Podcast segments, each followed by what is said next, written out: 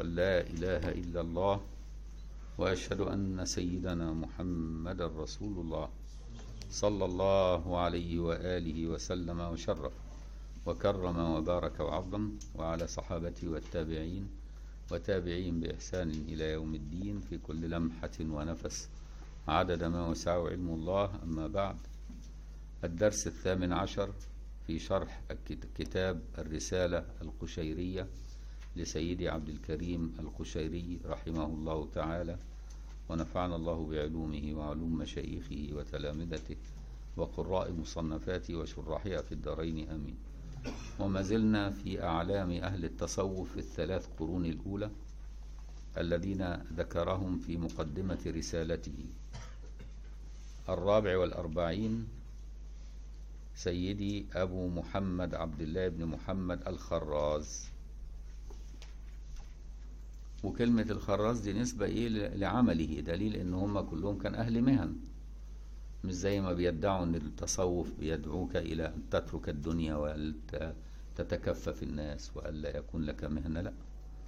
فمعظمهم تلاقيه إيه يعني لهم مهن منسوبين إليها زي النساج والخراز وكثير والبزاز والبزار.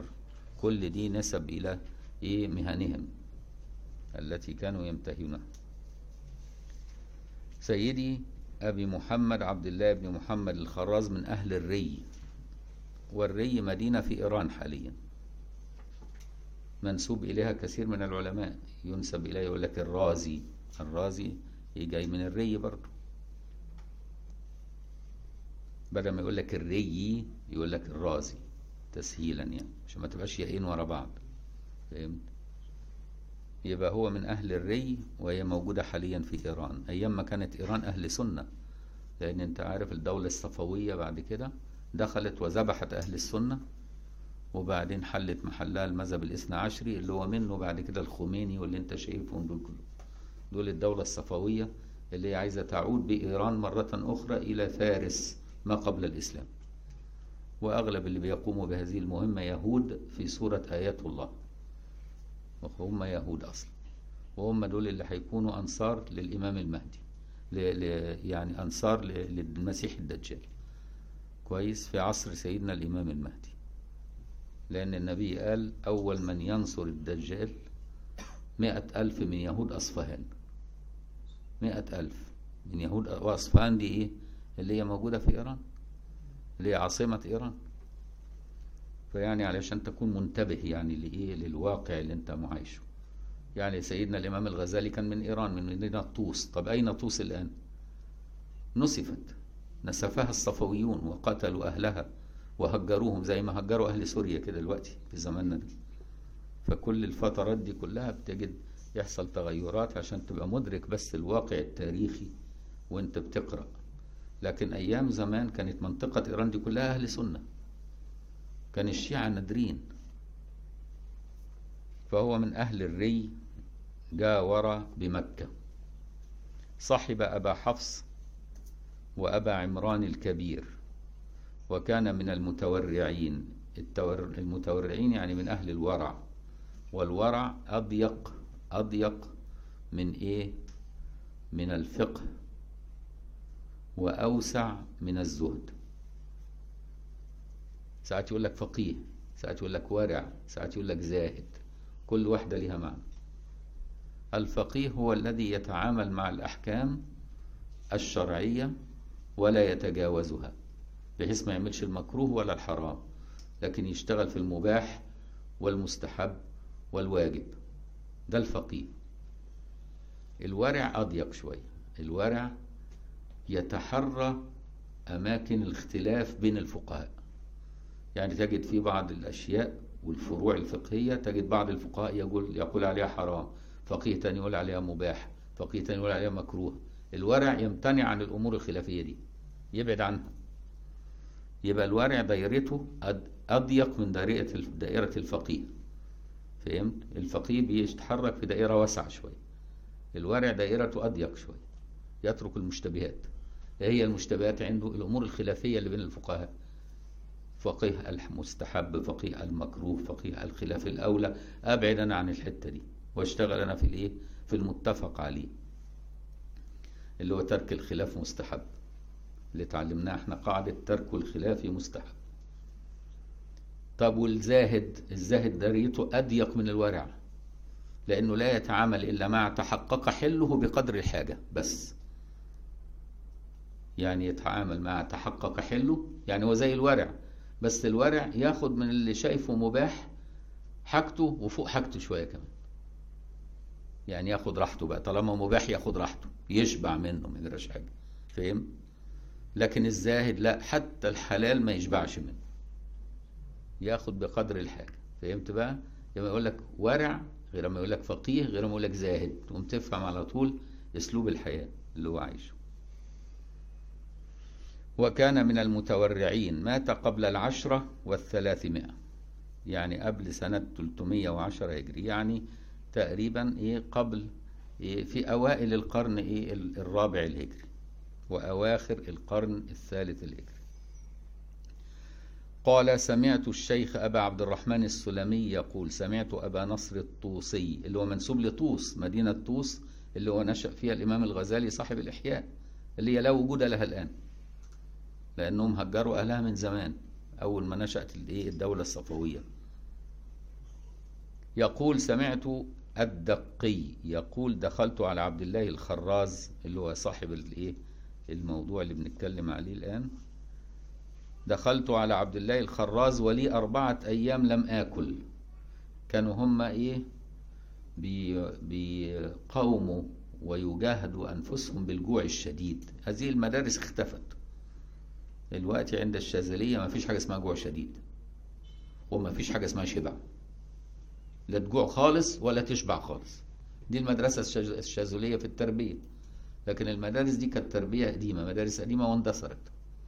كان ممكن يجوع نفسه بالإيه؟ بالثلاث أربع أيام ما ياكلش. وهي موجودة الآن عند بعض البوذيين وبعض طوائف السيخ. فهمت إزاي؟ وبعض الناس اللي بيتعاملوا مع اليوجا والحاجات دي. يمتنع تماما عن الأكل. لكن هذه المدارس إيه اندثرت لأنها كانت فيها قسوة أكثر من سنة النبي. سنة النبي ما قالت لناش نجوع نمتنع عن الطعام خالص ما قالناش كده. لكن على أي حال دي كانت من ضمن المدارس الايه القائمة في هذا الزمان الامتناع عن الطعام خالص.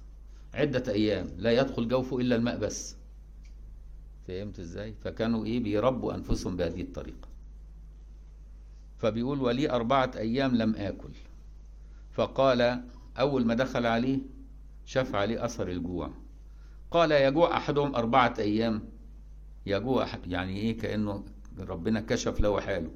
حتى عرف من شكله بقاله كام يوم ما كلش من غير إيه؟ من غير ما يكلمه ودي من ضمن كرامات لهم إن هم يكشف لهم أحوال تلامذتهم دون أن يتكلموا. فقال يجوع أحدكم أربعة أيام فيصبح ينادي عليه الجوع. يبقى ظاهر كده إنه إيه هفتان وتعبان ومش قادر يتحرك لأن هم عندهم كانوا يستعيضوا عن الطعام بالذكر فالذكر يقوي الروح فإذا قويت الروح حملت الجسد. كان ده طريقته يقول لك قوي الروح تحمل الجسد إنما لو لو قويت الجسد أضعفت الروح. لأن الجسد يمثل الناحية الحيوانية في الإنسان والروح تمثل الناحية الربانية في الإنسان. فهمت؟ فهم كان رأيهم إنك أنت تضعف الجسد اللي هو الحيوان فيك أيها الإنسان تضعفه وتنهكه حتى يكون طوع أمرك. دي رأيهم. وإزاي أنت تحمل جسدك بقى؟ تحمله بروحك. طب إزاي تحمله بروحك؟ إنك تقوي الروح بغذائها. وغذاء الروح الذكر. فهمت فهو لما شاف عليه علامة الجوع عرف إن هو قليل الذكر. لو ذكر كان جاله متحمل قوي مش جاي له كده مش قادر محطم من قلة الطعام فهمت فقال يجوع أحدكم أربعة أيام فيصبح ينادي عليه الجوع يعني الجوع باين عليه كده يعني كأنه مظهره كده بيقول للناس أنا جعان الحقوني. فهمت؟ إزاي كأنه بيشحت بمظهره يعني فهمت؟ ثم قال إيش يكون لو إن كل نفس منفوسة؟ تلفت فيما تؤمله عند الله. ترى يكون ذلك كثيرا؟ إيش يكون يعني إيه؟ أي شيء تقول؟ إيش يقول؟ إيش دي؟ يعني إيه؟ أي شيء. بس يحطوها إيه بالنحت تبقى إيش؟ إيش يكون لو أن كل نفس منفوسة؟ يعني مولودة. كل نفس منفوسة يعني كل نفس مولودة. عشان كده الست لما بتولد نقول على إيه؟ في النفاس. فهمت؟ لأنها خرج منها نفس. لما خرج منها نفس بقت إيه؟ في النفاس. فيبقى كل نفس منفوسة يعني كل نفس مولودة. إيش يكون لو أن كل نفس منفوسة تلفت فيما تؤمله عند الله؟ يعني هو يقول له إيه؟ اتلف نفسك يعني شهوة نفسك وإقبلها على الدنيا. حتى إيه؟ يستيقظ فيك الرغبة فيما عند الله. تلفت فيما تؤمله عند الله ترى يكون ذلك كثيرا. يعني افرض انت أتلفت نفسك. طب ما هو نفسك كده كده فانية. كده كده مأواها القبر. كده كده هتنتهي لكن روحك هي اللي باقية معاك في كل أحوالك. فأنت لو أحييت روحك وأتلفت نفسك تبقى أنت اللي كسبان. لأنك أحييت الباقي وأتلفت الفاني.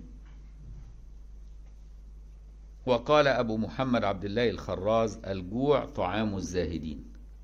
زي ما قلت لك إن الزاهد أضيق من الورع. الزاهد ما يأكلش إلا للضرورة إنما الورع يأكل لما يجوع. لكن الزاهد يأكل لما يجوع قوي. مش مجرد يجوع كده. وبعدين لما يجي يأكل الزاهد ياكل الموجود ما يطلبش المفقود. موجود خبز بس ومفيش طبيخ ياكل خبز حاف هو ده الموجود فهمت إزاي؟ ده الزاهد. يفتح التلاجة لو عنده تلاجة حتى ياكل اللي موجود فيها حتى ما يسخنوش على هيئته كده. فهمت وما يفتحهاش إلا لما يبقى خلاص هيقع من الجوع. ده الزاهد. إنما الورع أول ما يجوع حطيه له ياكل. فهمت بقى إزاي؟ وياكل حلال بس حطوا لي اكل فهمت الفرق؟ فهو بيقول الجوع طعام الزاهدين. يعني إيه؟ يعني الزاهد بيطعم روحه بيغذيها بالجوع بجوع البدن. بجوع البدن فهمت؟ الجوع طعام الزاهد والذكر طعام العارفين لأن العارف روحه حيت بالله. فيبقى حياتها في ذكر مولاها. رضي الله عنه وأرضاه. ومنهم أبو الحسن بنان بن محمد الحمال. برضو الحمال دليل إنه كان بيشتغل شيال. فهمت يعني شوف الشيالين بتوعهم أيام بتوع زمان كانوا أولياء كبار عشان تعرف الجيل ده في الجيل الأول كان إزاي حاله. أو الشيال اللي بيشيل للناس كده طلع والي كبير وعلامة كبير. فما بالك بقى إيه العالم بتاعهم يبقى شكله إيه؟ لما يبقى الحمال بتاعهم يطلع من كبار الأولياء وينقلوا كلام وحكم. عشان تعرف الفرق بين الأجيال. دلوقتي بتلاقي واحد أستاذ في الجامعة وبيقول كلام فارغ. هو أستاذ في الجامعة. لا ينطق بحكمة أصلا. فهمت؟ أبو الحسن بنان ابن محمد الحمال. واسطي الأصل. واسط معروفة في العراق. أقام بمصر. ومات بها سنة ست عشرة وثلاثمائة. كبير الشأن صاحب الكرامات. الكرامات يعني خرق العادات. سئل بنان عن أجل أحوال الصوفية. أجل يعني أعظمها وأعلاها. أعلى حل الصوفية إيه؟ فقال الثقة بالمضمون والقيام بالأوامر ومراعاة السر والتخلي عن الكونين. الثقة بالمضمون الثقة بالرزق الرزق مضمون كتب رزقه وأجله هو شقي أو سعيد. خلاص ده انت الحاجات دي مضمونة خلاص مكتوبة. يبقى طالما انت واثق فيها ما تحملش همها بقى. احمل هم اللي مطلوب منك. ربنا طلب منك إنك تتوجه إليه وتعبده وتراقبه وتمتنع عما حرمه. يبقى هو ده اللي مأمور بيه. يبقى الثقة بالمضمون مفيش حملان هم رزق. خلاص. اللي خلقني وشق لي فم يطعمه وخلق جسد يكسيه. لا هيعريني ولا هيجوعني فهمت بقى؟ يبقى هو ضامن ادي معنى الثقة بالمضمون. مفيش حمل هملان حمل هم رزق. واخد بالك؟ دي الثقة بالمضمون. ولا في خوف من الخلق لأن الخلق لو اجتمعوا لا يضروه. إلا بما كتب الله عليه. ما لو شيء مكتوب عليك مفيش منه مهرب. صح؟ وبالتالي يبقى مش حامل هم الرزق ولا خايف من الخلق. فهمت بقى إزاي؟ يبقى إيه؟ عايش حر. بقى عبد لله بقى. مش عبد للرزق ولا عبد للخلق. يتمحك فيهم ويتجنبهم وحامل همهم أو حامل من مكرهم أو حامل من تدبيرهم وحامل هم هذا وكيف يدفعه. لا. يبقى ده معنى الثقة بالمضمون. خلاصتها إن ينزع منه هم الرزق وخوف الخلق. اللي هو قالها سيدنا أبو الحسن الشاذلي في حزب البحر في حزب البر في أواخر حزب البر. أدي معناها الثقة بالمضمون. ومش كده وبس. والقيام بالأوامر. في أوامر بقى كلفك بها عليك إنك أنت تؤديها. دي ما ضمنش لك الطاعة. لم يضمن لك أن تكون طائعا. ولم يفرض عليك أن تكون عاصيا. وبالتالي عليك أن تهتم بالأوامر. الأوامر اللي هي إيه؟ تجنب النواهي والتزام الإيه؟ المأمورات مش كده وبس ومراعاة السر يعني مراقبة القلب حتى تكون النية لله باستمرار. يبقى مراعاة السر يبقى وأنت بتعمل الحاجات دي عليك إنك أنت تراقب قلبك قلبك في أي جهة. عايز إيه يا لئيم؟ لأن الإنسان عنده لؤم في طبعه يعمل الحاجة في الظاهر الناس كلها شايفاها حلوة وهو عايزها لغرض آخر. لدرجة إن في ناس تتخذ الدين سببا لثقة الناس فيه علشان إيه؟ يبقى وجيه في وسط الناس. لا كده ما ينفعش. أنت المفروض تعمل الطاعة لله خالصة يبقى مراعاة السر. مش كده وبس؟ والتخلي من الكونين. لا تنظر للدنيا ولا الآخرة. تنظر لربك بس. أنت عبد لله. لا عبد الجنة ولا عبد نار ولا عبد دنيا. فهمت بقى إزاي؟ أنت عبد الله فتتخلى عن الكونين.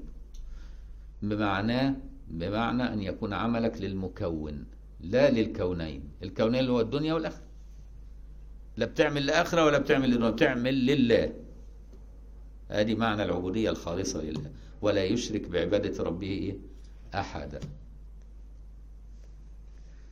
سمعت محمد بن الحسين يقول سمعت الحسن بن أحمد الرازي يقول سمعت أبا علي الروذباري يقول ألقي بنان الحمال بين يدي السبع فجعل السبع يشمه ولا يضره. كانوا وشوا لي عند ابن طولون حاكم مصر.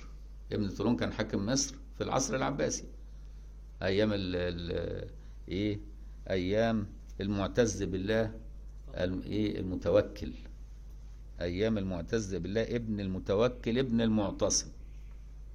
واخد بالك؟ كان ابن طولون حاكم مصر في الفترة دي من قبل الحاكم العباسي.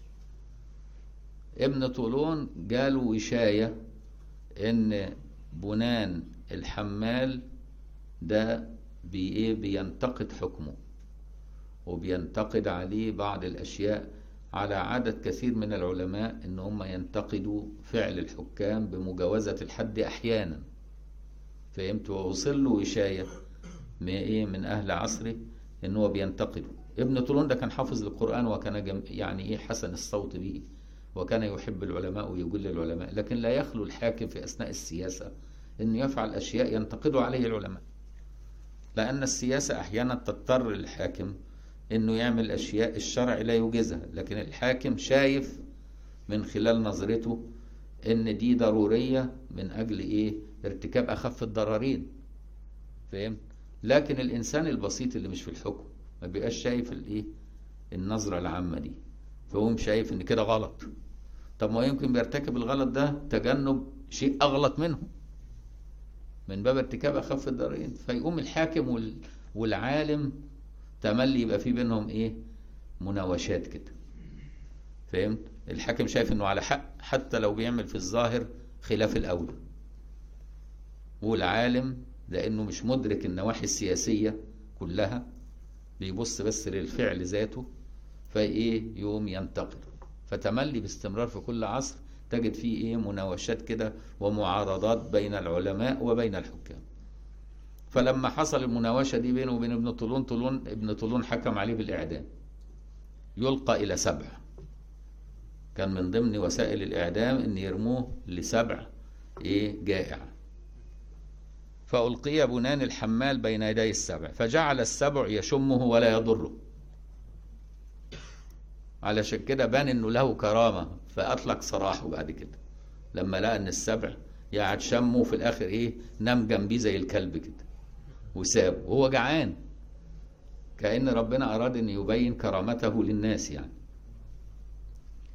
فلما أخرج قيل ما الذي كان في قلبك حين شمك السبع؟ انت قلبك كان في إيه كنت خايف ولا بتعمل إيه؟ قال كنت أفكر في اختلاف العلماء في سؤر السبع. يعني هو شم هدومي ترى هينجسها؟ فما أعرفش أصلي.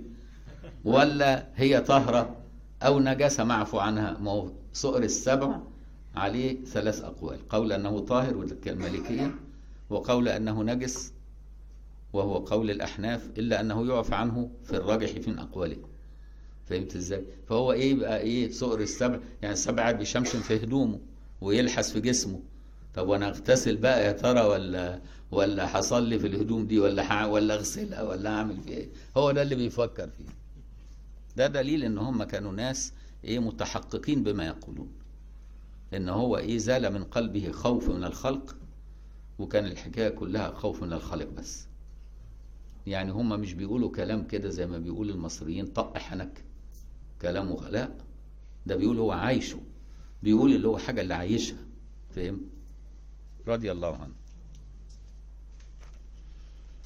ومنهم أبو حمزة البغدادي البزاز.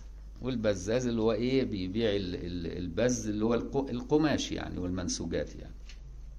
إحنا نسميه دلوقتي القماش.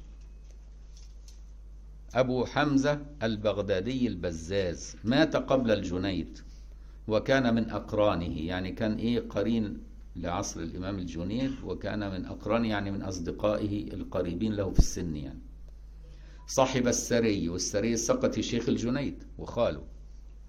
والحسن المسوحي وكان عالما بالقراءات فقيها. وكان من أولاد عيسى بن أبان يعني شيخه كان عيسى ابن أبان. وكان أحمد بن حنبل يقول له في المسائل يعني كان معاصر للإمام أحمد بن حنبل يقول له في المسائل ما تقول فيها يا صوفي؟ كلمة صوفي أيوة متداولة من أيام شوف زمان. اللي يقول لك دي كلمة جديدة وما نعرفهاش وبتاع يبقى دول لم يقرأ. دي كلمة إيه متداولة من زمان. قيل كان يتكلم في مجلسه يوم جمعة. كان ليه مجلس كل يوم جمعة يعظ فيها الناس. فتغير عليه الحال. يبدو أنه أغمي عليه وأصيب بمرض أثناء ما كان بيلقي كلمته المعتادة يوم الجمعة. فسقط عن كرسيه ومات في الجمعة التالية. وقيل مات يعني هو عايز يقول لك حسن الخاتمة يعني. إن هو مات وهو بيعلم الناس. مرض ومات وهو زي ما الشيخ الايه البوطي كده. شوف مات جوه المسجد وهو بيعلم الناس وهو إيه جاوز الثمانين من عمره. وقضى عمره يعلم الناس يقوم يموت وهو على هذه الحالة. فدي حسن خاتمة. وقيل مات سنة تسع وثمانين ومائتين قال أبو حمزة اللي هو إيه؟ البغدادي البزاز اللي هو مترجم له. من علم طريق الحق تعالى سهل عليه سلوكه. يبقى لابد من من معرفة طريق الحق. لأن لا تسلك طريق أنت لا تعرفه فلا بد تبقى عارفه. فهمت؟ من علم طريق الحق تعالى سهل عليه سلوكه. ولا دليل على الطريق إلى الله إلا متابعة الرسول صلى الله عليه وسلم في أحواله وأفعاله وأقواله. لأن في ناس تتابع النبي في أقواله وأفعاله ما تتابعش النبي في أحواله. فهمت؟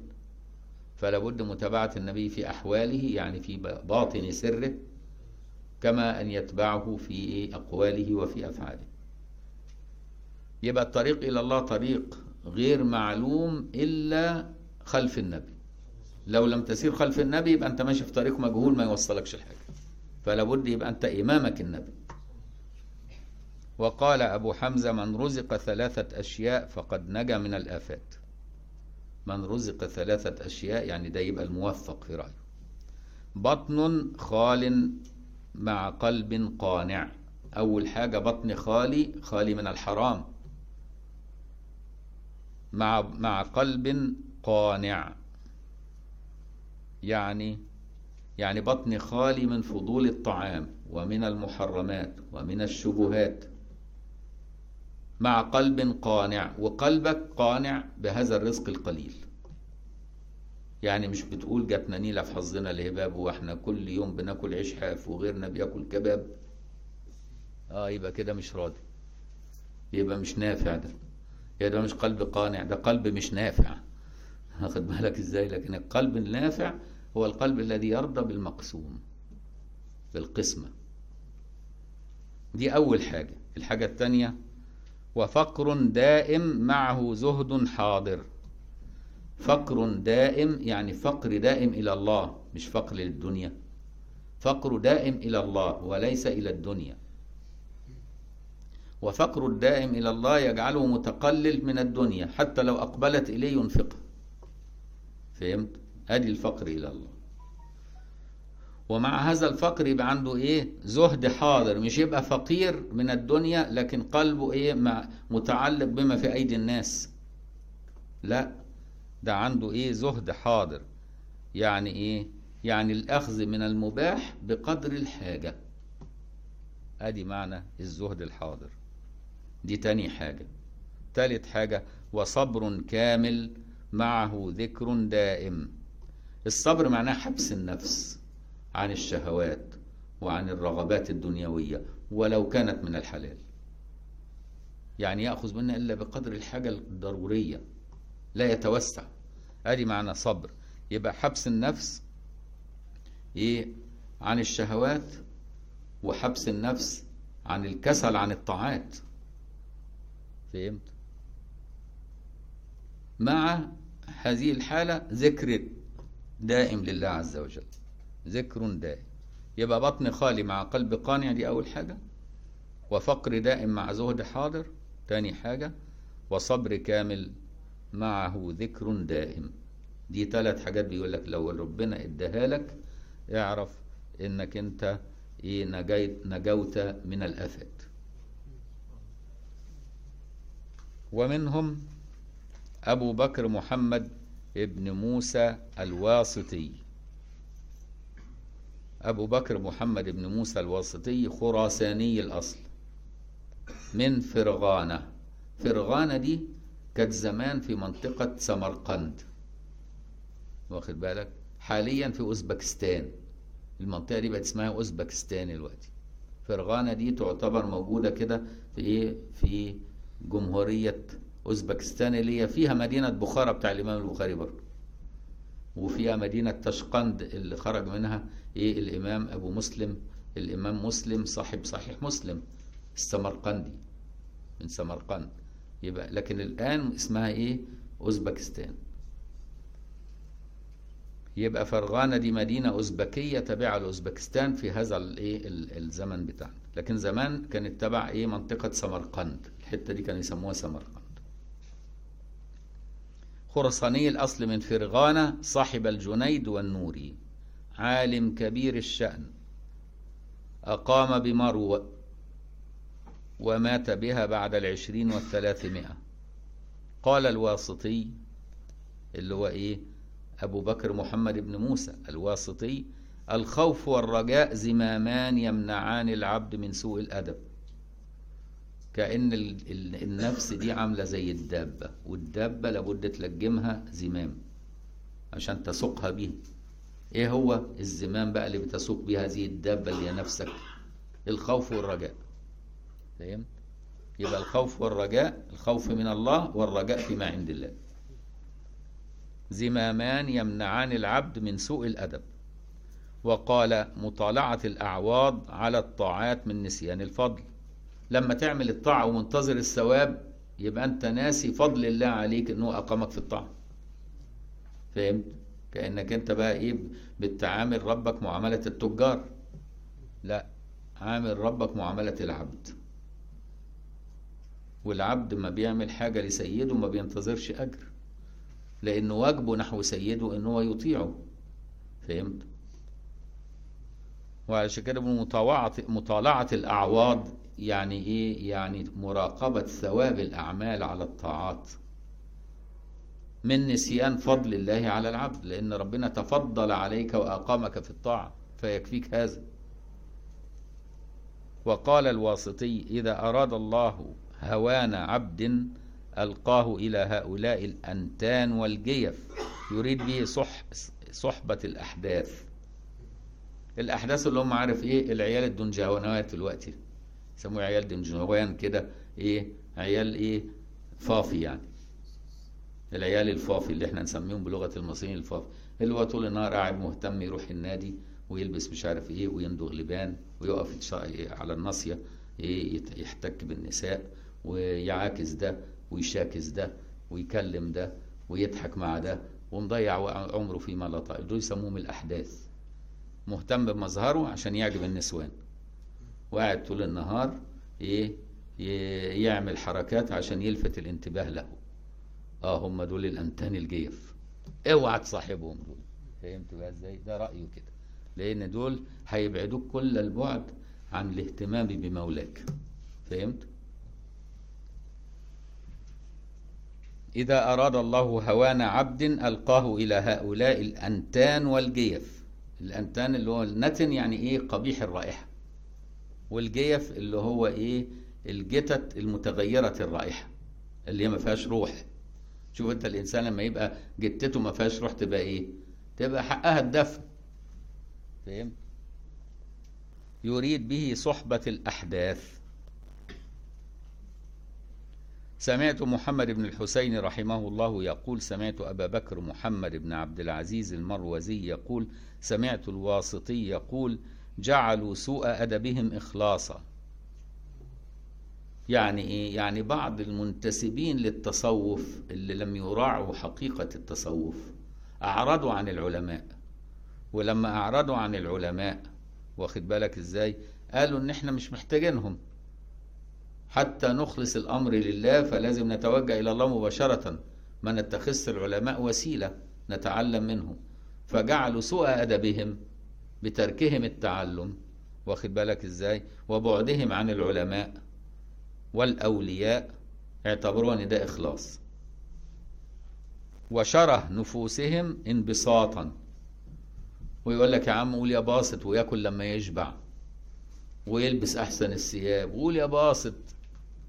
واخد بالك؟ قل من حرم زينة الله التي أخرج لعبادي. وياكل لما يشبع ويشرب لما يشبع ويلبس لما يتزين. وينام طول الليل وما في هو لك يا أخي ساعة لقلبك وساعة لربك وهو يقصد بيها إيه؟ 24 ساعة لقلبه واخد بالك إزاي؟ والساعة بتاعت ربه بيبقى نايم فيها برضه. مش في ناس بتعمل كده؟ فعلشان كده قال لك إيه؟ وشره نفوسهم يعني شره نفوسهم إلى الشهوات. ولو كانت مباحة. انبساط. ودناءة الهمم جلادة. يعني دناءة الهمم يعني إيه؟ يعني همتهم كلها منصبة إلى أمور دنيوية تافهة. بدل ما تنصب للطاعة والاجتهاد في الطاعة فجعلوها إيه؟ جلادة يعني إيه؟ دليل الرضا بالقسمة. ما هو لو كان عايزنا نبقى من أهل الطاعة المجتهدين كان كان إدانا الهمة يا أخي. لكن هو ربنا ارادنا نبقى تنابلة. خليك تنبل. فهمت يعني ينسب نقصه إلى الله. يبقى عنده نقص يقول لك ما هو ربنا قاسم علينا كده لو كان عايزنا كنا عملنا. يقوم يستسلم لدناءة إيه؟ نفسه. فعموا عن الطريق وسلكوا فيه المضيق. يعني عموا عن الطريق الحق إلى الله وهو طريق الاجتهاد بغير إيه؟ إجهاد خلف النبي صلى الله عليه وسلم. هو ده الطريق. لكن هم لا لا في إجهاد ولا في اجتهاد. في نوم وأكل وشرب وخلاص. أكل ومرعى وقلة صنع المصريين يقولوا عليك. فهمت؟ وسلكوا فيه المضيق فلا حياة تنمو في شواهدهم. يعني حتى وانت لما تشوفهم حاضرين ما إيه ما يدبش فيك حالة الذكر. بل يدب فيك حالة إيه؟ الكسل والفتور. فلا حياة في شواهدهم يعني عند مشاهدتهم. ولا عبادة تزكو في محاضرتهم. وفي حضورهم لا تجد ذكر الله ولا تجد إن ناس مهتمة بعبادة الله. بل قاعدين بيتكلموا في أمور دنيا وكلام فارغ وفي لهو. إن نطقوا فبالغضب. لما يجي يتكلموا يتكلموا إيه؟ بالغضب يعني إيه؟ بالانتصار للنفس. وإن خاطبوا فبالكبر بالتعالي على الناس.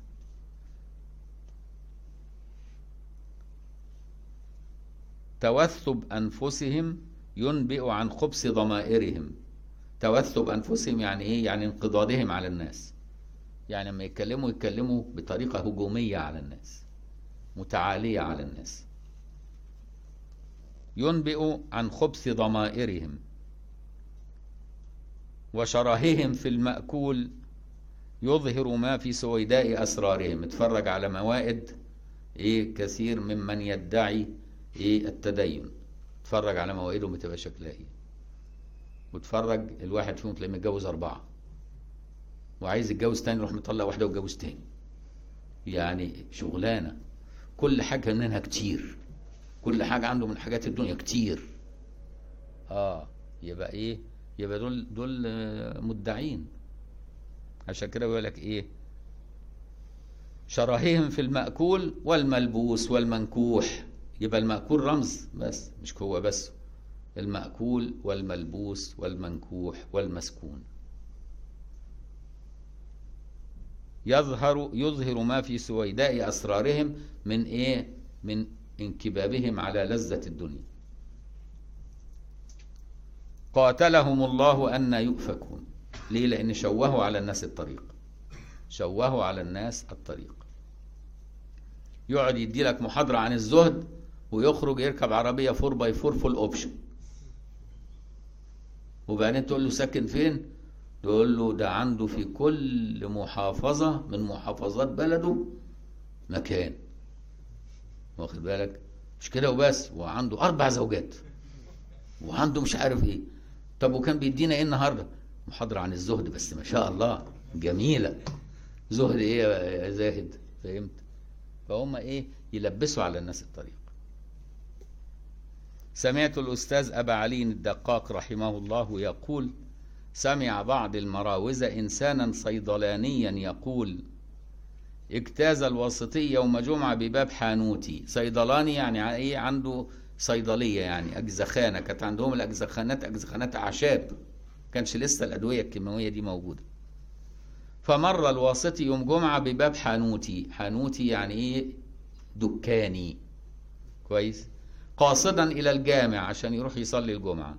فانقطع شسع نعله قدام الحانوت بتاعه انقطع إيه؟ رباط إيه؟ نعله اللي هو إيه؟ حذائه يعني. فقلت أيها الشيخ أتأذن لي أن أصلح نعلك؟ اديني فرصة أصلح لك نعلك. فقال أصلح. فأصلحت شسعه. فقال أتدري لمن قطع شسع نعلي؟ قال له تعرف ليه ربنا قطع لي شسع نعلي؟ فقلت حتى تقول قول أنت. قال لأني ما اغتسلت للجمعة. كنت ناوي أروح أصلي الجمعة من غير غسل. فقام ربنا قطع لي شسع نعلي عشان يعطلني. أنا كنت فاكر إن غسل الجمعة هيعطلني عن إيه؟ التبكير للجمعة. فقلت آخد ثواب التبكير بدل ما اغتسل وإيه؟ ويضيع مني التبكير فاهم؟ فقام ربنا علمني إن أنا ممكن يعطلني من غير غسل. يعطلني في لا في لا عبادة. والغسل ده عبادة. فهم إشارة ربنا ليه على طول. يبقى هم بيراقبوا نفسهم على طول. عرف إشارة ربنا. فقال له ما عندكش حمام جنبك هنا؟ اغتسل بقى. أنا عرفت إشارة ربنا. قال له آه هنا. فدخل اغتسل وذهب إلى الجنة. يبقى لازم أما يحصل لك حادث تحاول تفهم الإشارة الربانية. ليه هو عمل لك الحادثة دي؟ بيقول لك إيه فيها؟ فهمت؟ قال لأني ما اغتسلت للجمعة. فقلت له يا سيدي ها هنا حمام تدخله؟ قال له أنا عندي هنا حمام ادخله. قال نعم. فأدخلته الحمام فاغتسل. رضي الله عنه. أبو الحسن ابن الصائغ. أبو الحسن ابن الصائغ. يعني كان أبوه كان إيه؟ صائغ. صائغ يعني بيصنع الحلي بيصوغ الحلي. واسمه علي بن محمد بن سهل الدينوري. الدينوري. الدينوري منسوب لي إيه؟ دينور مدينة اسمها دينور كانت وراء النهر برضو في منطقة سمرقند. أيام ما كانوا كلها أهل السنة وكانت إيه؟ بينبت فيها الأولياء كما ينبت فيها النبات. أقام بمصر ومات بها. دفن بالقرافة المصرية. وكان من كبار المشايخ. قال أبو عثمان المغربي ما رأيت من المشايخ أنور من أبي يعقوب النهرجوري النهرجوري ولا أكثر هيبة من أبي الحسن بن الصائغ. اللي هو إيه؟ صاحب الترجمة. مات سنة ثلاثين وثلاثمائة. سئل ابن الصائغ عن الاستدلال بالشاهد على الغائب. إحنا بنستدل بالشاهد يعني بعالم الدنيا على الغائب اللي هو فاعل هذا اللي هو الله. مش كده برضو؟ تستدل بالشاهد على الغائب تستدل بالمخلوق على الخالق. مش كده برضو؟ بالأثر على المسير على المؤثر. بالفعل على الفاعل بالحركة على المحرك. أدي معنى شهادة إيه, إيه استدلال الشاهد على بالشاهد على الغائب. فقال كيف يستدل بصفات من له مثل ونظير؟ على من لا مثل له ولا نظير. يعني إيه؟ يعني استدل بالغائب الشاهد على الله لتعلم أن الله موجود لا لتحدد لله صفة لا تليق به. فهم؟ يعني أنت توصل إن آه فعلا إن المخلوق له خالق. لكن حاول تحدد بقى للخالق مكان أو جارحة أو هيئة أو كنه. آه يبقى كده أنت إيه؟ هو ليس كمثله شيء. فهمت؟ عشان كده بيقول إيه؟ كيف يستدل بصفات من له مثل؟ بصفات يعني الخلق لأن الخلق لهم مثل. ونظير على من لا مثل له ولا نظير. كأن بيرد على المجسمة والمشبهة واللي إيه واللي قال له إن ربنا يحل في مكان.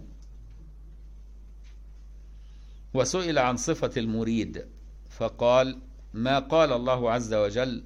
صفة المريد هو ما قال الله عز وجل وضاقت عليهم الأرض بما رحبت. وضاقت عليهم أنفسهم. وظنوا أن لا ملجأ من الله إلا إليه. يعني معناه الاضطرار إلى الله. يبقى صفة المريد هو الشعور بالاضطرار إلى الله في كل الأحوال. وقال الأحوال كالبروق. الأحوال اللي بتعتري القلب في حال السلوك إلى الله بتبقى زي البرق كده تضيء وتختفي على طول. عشان كده دوام الحال من المحال فهم دوام الحال من المحال. يبقى الأحوال كالبروق تضيء وتختفي. فإذا ثبتت فهو حديث النفس وملازمة الطبع. لكن لو تفتكر إن دي ثابتة وتقعد تتكلم عليها ده حديث نفسك. لأن الحال لا تستطيع أن تعبر عنه. فلو بدأت تعبر عنه يبقى أنت بتعبر عن نفسك. لأن الحال عدى. فلما تيجي أنت تتكلم انت تتكلم عن نفسك. فهمت؟ الحال جه وعدى خلاص. تيجي تقول لسه وتعرف بس أنا بيحصل لي إيه من أنوار ده أنا بيحصل لي كذا آه يبقى أنت قاعد بتتكلم على طبعك وبتشهر نفسك يبقى مش هو ده الحال بتاع ربك. الحال بتاع ربك الا تشهر نفسك. فهمت بقى إزاي؟ وتتكلم كثير عن نفسك. فإذا ثبتت فهو حديث النفس وملازمة الطبع. رضي الله عنه.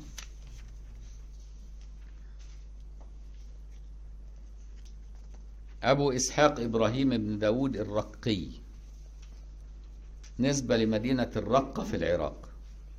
عشان كده إيه؟ مدينة الرقة دي على الفرات على نهر الفرات. من كبار مشايخ الشام من أقران الجنيد وابن الجلاء وقد عمر وعاش إلى سنة ست وعشرين وثلاثمائة. وقال إبراهيم الرقي المعرفة إثبات الحق على ما هو. خارجا عن كل ما هو موهوم. المعرفة وأنك تعلم أن الله على ما هو عليه كان بغير إدراك لأنه ليس كمثله شيء. إثبات الحق على ما هو خارجا عن كل ما هو موهوم خارج عن كل تصور. فهم؟ لأن أي تصور ولو كان من عالم الخيال فهو مخلوق. والله لا يدركه مخلوق أصلا. وقال القدرة ظاهرة يعني قدرة الله ظاهرة في مكوناته وفي أفعاله في الكون. والأعين مفتوحة حتى تدرك هذه فاينما تولوا فثم وجه الله. ولكن أنوار البصائر قد ضعفت. لكن لكن النظر ده إن لم يكن معه بصيرة لا تدرك من خلال النظر العبرة فتصل إلى الله بسبب ضعف البصائر لا ضعف الأبصار. ولكن أنوار البصائر قد ضعفت.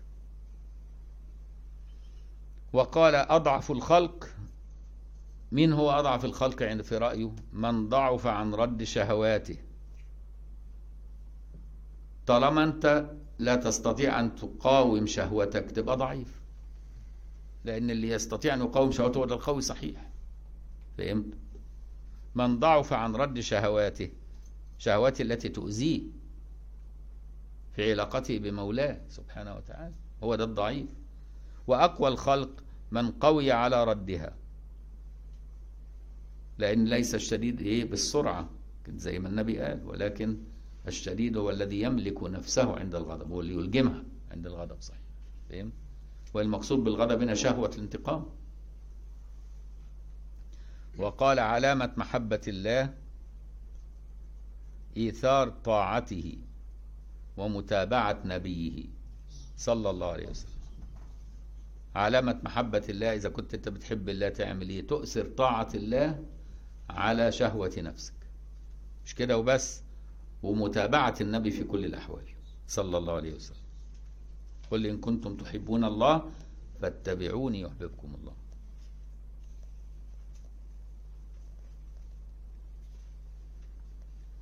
ممشاد الدينوري. وهو من كبار مشايخهم. من كبار مشايخهم يعني مشايخ الصوفية يعني. مات سنة تسع وتسعين ومائتين قال ممشاد أدب المريد في التزام حرمات المشايخ. أدب المريد إيه؟ إنه يحترم المشايخ ويلتزم بإيه؟ بإشاراتهم وبعباراتهم وبآدابهم. أدي إيه؟ التزام حرمات المشايخ. يعني يقصد احترام المشايخ وامتثال أمرهم. وخدمة الإخوان يعني يتحمل أذى الإخوان. واخد بالك؟ ويصبر عليهم. يبقى مع المشايخ يحترمهم. ويشير على إثارتهم ومع أقرانه يتحمل أذاهم ويصبر عليهم ويقضي حوائجهم ويستر عيوبهم. والخروج عن الأسباب يعني الخروج عن الأسباب إيه؟ يعني عدم الاعتماد عليها بالقلب. يعني ياخد بالأسباب في الظاهر تعبدا لكن قلبه مع الله. لما يمرض ياخد الدواء لكن قلبه مش في الدواء قلبه مع الله هو الشافي. فهمت يبقى والخروج عن الأسباب يعني الخروج عن الاعتماد على الأسباب بالقلب. وحفظ آداب الشرع على نفسه. يعني إيه؟ يعني يحافظ على أدب الشرع ويلزم نفسه بها في الظاهر وفي الباطن. وقال ممشاد ما دخلت قط على أحد من شيوخي إلا وأنا خال من جميع مالي. يعني من جميع علمي.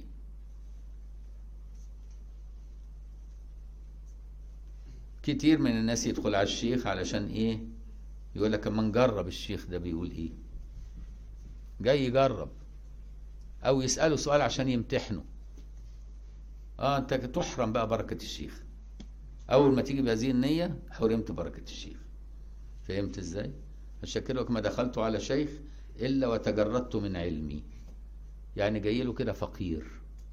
يوم ربنا يديله الصدقة على لسان شيخي إنما الصدقات للفقراء لكن لو أنت جاي له غني. طبعا هتاخد إيه بقى؟ ما أنت غني مستغني. فهمت وكتير بنلاحظ حاجات اللي هي الحكاية دي. ما دخلت قط على أحد من شيوخي إلا وأنا خال من جميع مالي يعني من علم ووجد وترق وامتحان للشيخ وغير ذلك. أنتظر بركات ما يرد علي من رؤيتي وكلامي. هو بس جاي فقير كده مفتقر لعل الله يجيب له بركة من خلال النظر للشيخ أو سماع كلامه. فإن من دخل على شيخ بحظه يعني لو دخل على الشيخ بنفسه علشان يعني يحقق شيء لنفسه بنفسه انقطع عن بركات رؤيته ومجالسته وكلامه. في واحد يدخل للشيخ يقول لك أنا حضرت له كلامه حلو بس بيغلط في الإعراب ساعات يرفع المنصوب يعني هو قاعد إيه جاي له مدرس لغة عربية بيصحح له. فهمت إزاي؟ ده أحيانا الأولياء لا تجيد العبارة لأن هو كلامهم من وراء العبارة. فممكن الولي يقول لك عبارة غير جيدة لكن لما تكون مفتقر تجد من خلالها أنوار. فهمت بقى إزاي؟ وكتير من الأولياء تلاقيهم أميين.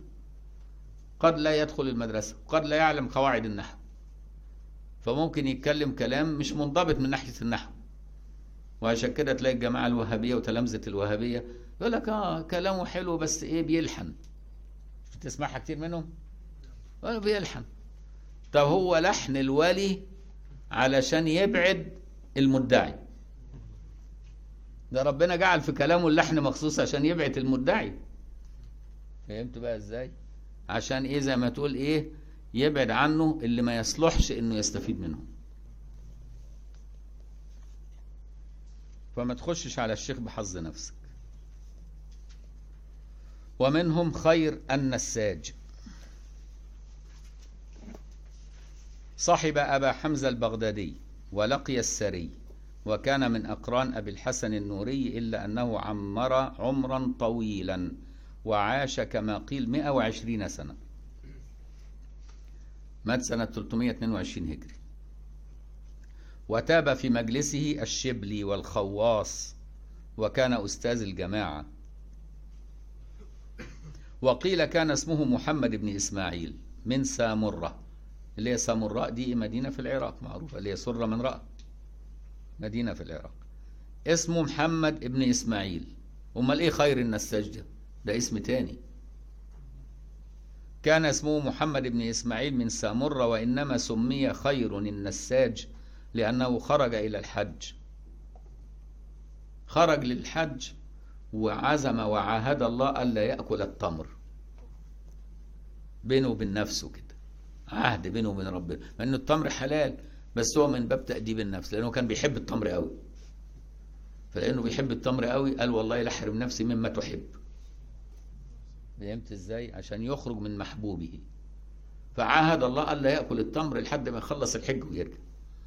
كان طريق الحج زمان مش يركب طيارة يقعد ساعة ونص يبانك لا ده يقعد مسافر كده بقى من بلده يقعد له مسافر شهر. ففي أثناء الطريق اشتاق قوي للتمر فراح واكل تمراية. أم ربنا سحب شبهه وألقى عليه شبه عبد. ده رجل بيجري بيدور على العبد التائه منه. فهمت إزاي؟ فأول ما شافوا الراجل شافها العبد اللي بيدور عليه. قال له أنت خير يا مجرم رحت فين؟ وضربه وراح مكتفه وخده معاه. على إنه ده العبد بتاعه اللي تايه. فهمت إزاي؟ لأنه خرج إلى الحج فأخذه رجل على باب الكوفة. وقال أنت عبدي واسمك خير. رحت فين؟ بقى إيه؟ ربنا ألقى عليه شبه العبد التاني علشان ربنا يمتحنه. أنت إزاي تعاهدني على حاجة وتخالف؟ يبقى أنت عبد شهوتك. طالما أنت عبد شهوتك خليك عبد للخلق. شفت الإشارة؟ فربنا أراد أن يؤدبه. وكان أسود. العبد ده خير ده كان أسود هو ما كانش أسود ده ربنا سود وشه وألقى عليه شكل العبد. فلم يخالفه هو فهم على طول قال له انت عبدي خير قال له خلاص أنا خير ومشي وراه. عرف إن ربنا بعت له وده يمتحنه بيه فهمت فاستسلم له. واستعمله الرجل في نسج الخز. استعمله وعشان كده سمي خير النساج بعد كده. قال له انت كنت بتنسج الخز واداله النول وقال له اقعد هنا اشتغل يا مجرم اوعى تسيب مكانك تاني. فكان يقول له يا خير فيقول لبيك. ثم قال له الرجل بعد سنين وقيل بعد شهور بعد سنين تاب إلى الله وقال يا رب تبت إليك لا أخالف عهدا عاهدته معك يا رب حرمت مش هعمل كده وبكى في سجوده. فرفع رأسه فزال عنه الشبه. فجاء الراجل قال له لا مش أنت. مين قال إنك أنت خير؟ لا لا ده أنت مش أنت أنا اللي غلطت. روح يلا روح. روح يلا روح. فاهم؟ ثم قال له الرجل بعد سنين غلطت لا أنت عبدي ولا اسمك خير. فمضى وتركه. وقال لا أغير اسما سماني به رجل مسلم. ففضل بقى مشهور بخير النساج وقال الخوف صوت الله يقوم به أنفسا قد تعودت سوء الأدب. يبقى الخوف ده عبارة عن صوت يعني إيه ربنا إيه يجلد به النفس غير المؤدب. سوء الأدب مع الله بمخالفة العهد وسوء الأدب مع الناس بالإساءة إليه وسوء الأدب مع النفس بإيه؟ بطاعتها في المحظور.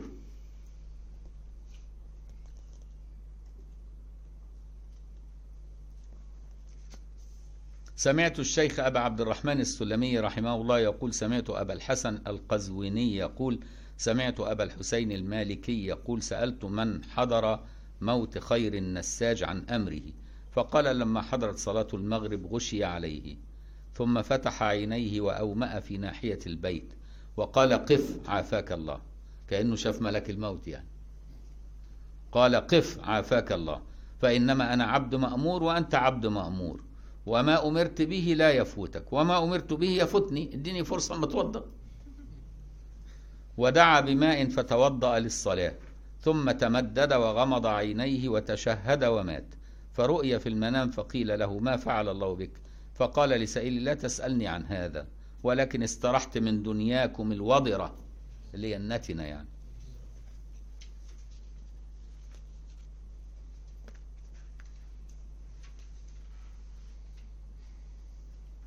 طب ونكتفي بهذا القدر ونكمل إن شاء الله المجلس القادم بإذن الله. اللهم انفعنا ببركاتهم وحققنا بحقائقهم واسلك بنا مسالكهم يا رب العالمين.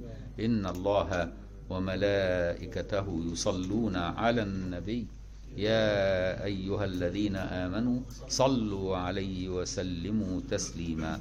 اللهم صل على سيدنا محمد عبدك ورسولك النبي الأمي وعلى آله وسلم.